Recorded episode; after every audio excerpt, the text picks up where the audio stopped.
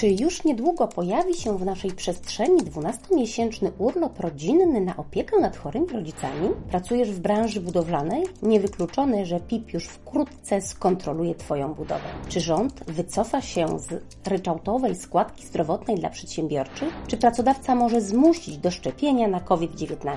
O tym i nie tylko w dzisiejszym wydaniu HR Detektywa. A HR Detektyw to najświeższe informacje ze świata prawa pracy, kalkulacji wynagrodzeń i zasiłków, nowości w orzecznictwie, interpretacjach i stanowiskach resortowych. Zapraszam na kolejne wydanie z serii HR Detektyw. Ja się nazywam Monika Smolewicz i pomagam specjalistom w osiągnięciu mistrzostwa zawodowego, a pracodawcom i przedsiębiorcom zapewniam spokojny sen. Jest środa, 9 czerwca, zatem zaczynamy. News pierwszy. Urlop rodzinny. Partia PSL przygotowała projekt o zmianie ustawy Kodeks Pracy oraz niektórych innych ustaw. Chce wprowadzić 12-miesięczny płatny urlop rodzinny na opiekę nad chorymi rodzicami bądź urlop na opiekę nad dzieckiem przez pracujące babcie i dziadków. Według projektu urlop rodzinny będzie mógł wynosić rok, pół roku lub kilka miesięcy. Będzie możliwość jego podzielenia na kilka części w okresie kilku lat, np. dwa miesiące w trakcie wakacji. Urlop rodzinny miałby być płatny na poziomie minimalnego wynagrodzenia krajowego, jednocześnie z zachowaniem ciągłości opłacania składek ZUS. Ogłaszając swoją propozycję, lider PSL głównie miał na myśli pomoc kobietom, które chcą pozostać na rynku pracy i mają trudną sytuację rodzinną. Polityka rodzinna nie może ograniczać się tylko i wyłącznie do transferów socjalnych i pieniężnych.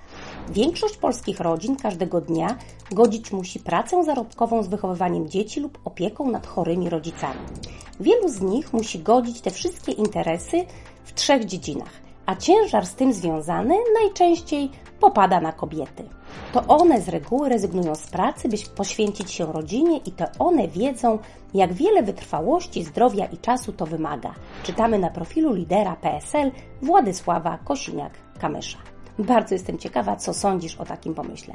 Czy wydaje Ci się atrakcyjny, czy uważasz, że to kolejna obietnica wyborcza, bo na dobre rozpoczęły się już przygotowania do wyborów w 2023 roku. News drugi. Wnioski o dofinansowanie starczy antykryzysowej. Zostało już tylko kilka dni na złożenie niektórych wniosków o świadczenia w ramach tarczy antykryzysowej. 10 czerwca upływa ostateczny termin składania wniosków o niskoprocentową pożyczkę dla mikroprzedsiębiorców oraz dla organizacji pozarządowych na podstawie artykułu 15 ZZD oraz 15 ZZDA. Dofinansowanie do bieżących kosztów prowadzenia działalności gospodarczej dla przedsiębiorcy niezatrudniającego pracownika pracowników na podstawie artykułu 15 ZZC, dofinansowanie do wynagrodzeń dla zatrudnionych pracowników na podstawie artykułu 15 ZZB, 15 ZZE, 15 ZZE 2. Dokumenty można składać do 10 czerwca w formie elektronicznej przez platformę praca.gov.pl lub w formie papierowej. News trzeci. PIP kontroluje małe budowy. W trosce o zdrowie i życie ludzkie Państwowa Inspekcja Pracy rozpoczęła ogólnopolską akcję Kontrole na małych budowach.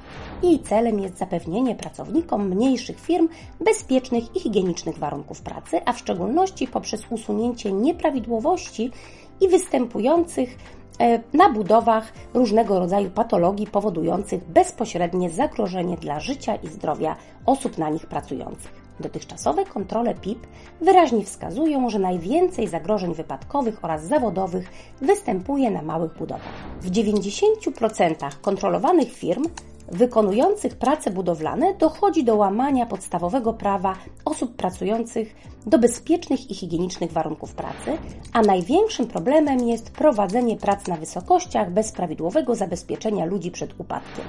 Inspektorzy mają przeprowadzić kontrole w różnych godzinach, także popołudniowych, wieczornych oraz podczas weekendów. Ta akcja to także szansa dla Państwowej Inspekcji Pracy, by na podstawie bieżących doświadczeń wypracować nowe narzędzia i metody realizowania ustawowych zadań, których celem zawsze jest bezpieczeństwo każdego człowieka, podkreśla główny inspektor pracy pani Katarzyna Łażewska-Hercko. News czwarty. Spadek bezrobocia w maju. Zgodnie z szacunkiem Ministerstwa Rodziny, Pracy i Technologii stopa bezrobocia rejestrowanego wynosiła na koniec maja 2021 roku 6,1%. Oznacza to spadek o 0,2 punktu procentowego w porównaniu do poprzedniego miesiąca. Tym samym liczba zarejestrowanych bezrobotnych spadła o ponad 25 tysięcy. Najniższą stopę bezrobocia zarejestrowano w województwie wielkopolskim 3,7, a największą w warmińsko-mazurskim 9,7.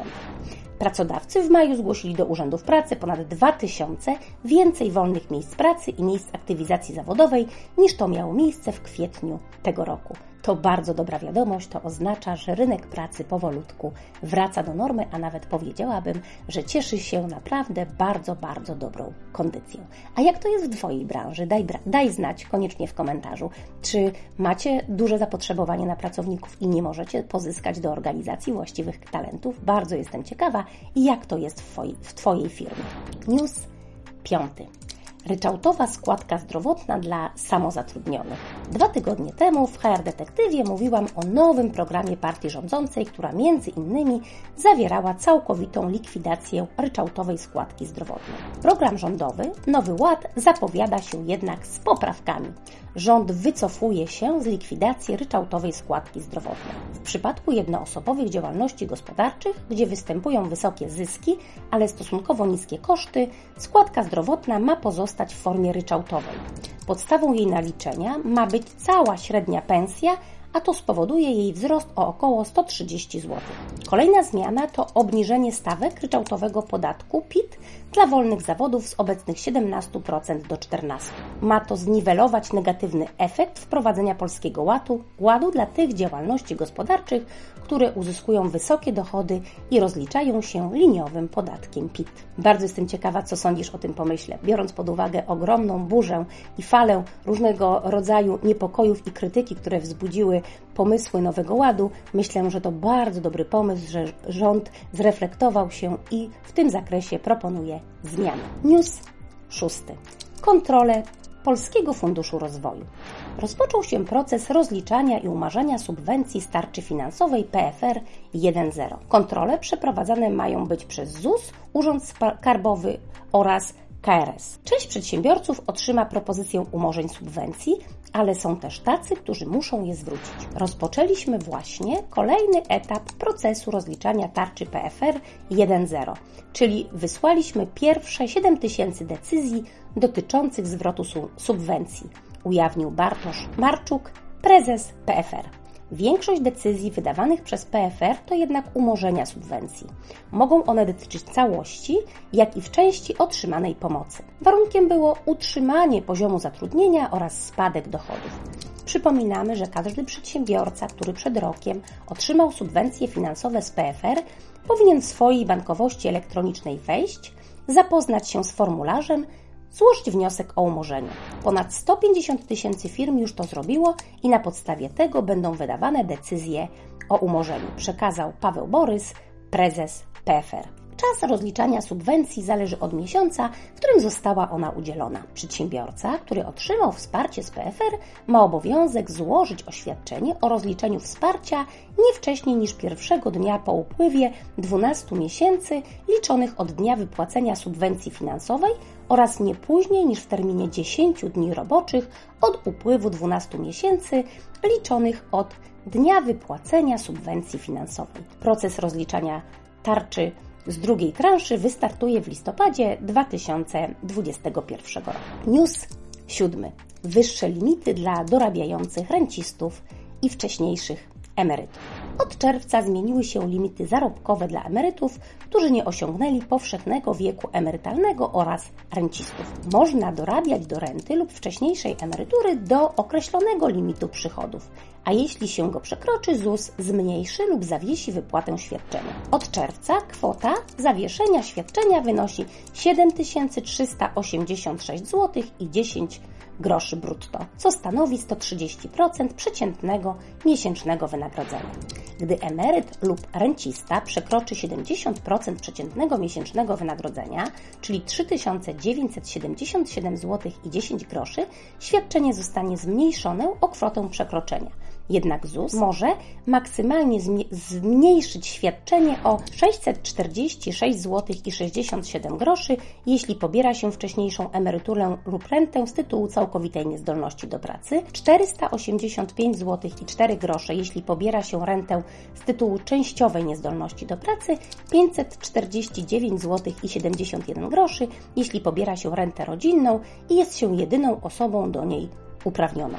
Do otrzymanego świadczenia można dorabiać bez ograniczeń, gdy emeryturę otrzymuje emeryt, który ma osiągnięty wiek emerytalny, czyli kobieta, która przekroczyła 60 rok życia i mężczyzna, który przekroczył 65 rok życia. Pobiera się rentę dla inwalidów wojennych lub inwalidów wojskowych których niezdolność do pracy związana jest ze służbą wojskową, otrzymuje się rentę rodzinną, która przysługuje po osobie uprawnionej do renty dla inwalidów wojennych lub rentę rodzinną po żołnierzu, którego śmierć ma związek ze służbą wojskową. Pobiera się rentę rodzinną, której kwota jest wyższa od emerytury z tytułu osiągnięcia powszechnego wieku emerytalnego. Renta socjalna zostanie zawieszona po przekroczeniu kwoty 3977 zł i 10 groszy brutto przychodu.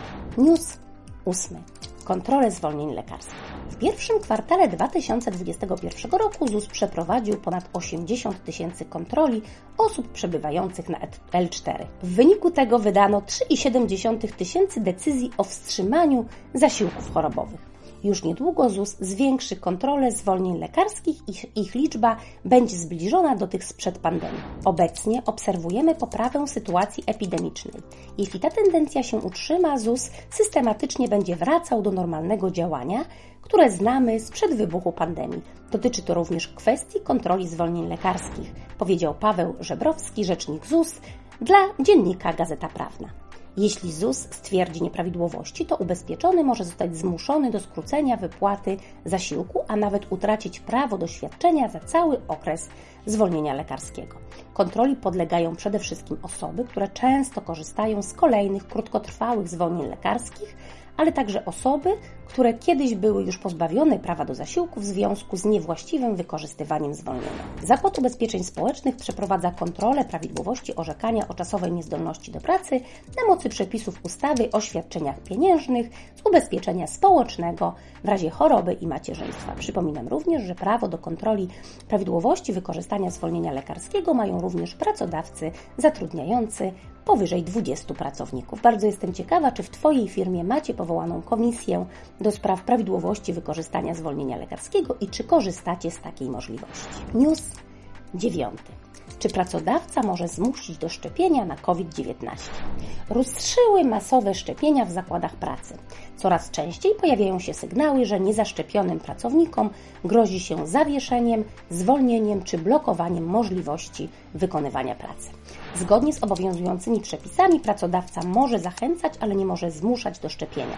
Brak podstawy prawnej do żądania szczepienia powoduje dużo sporów i przykrych sytuacji.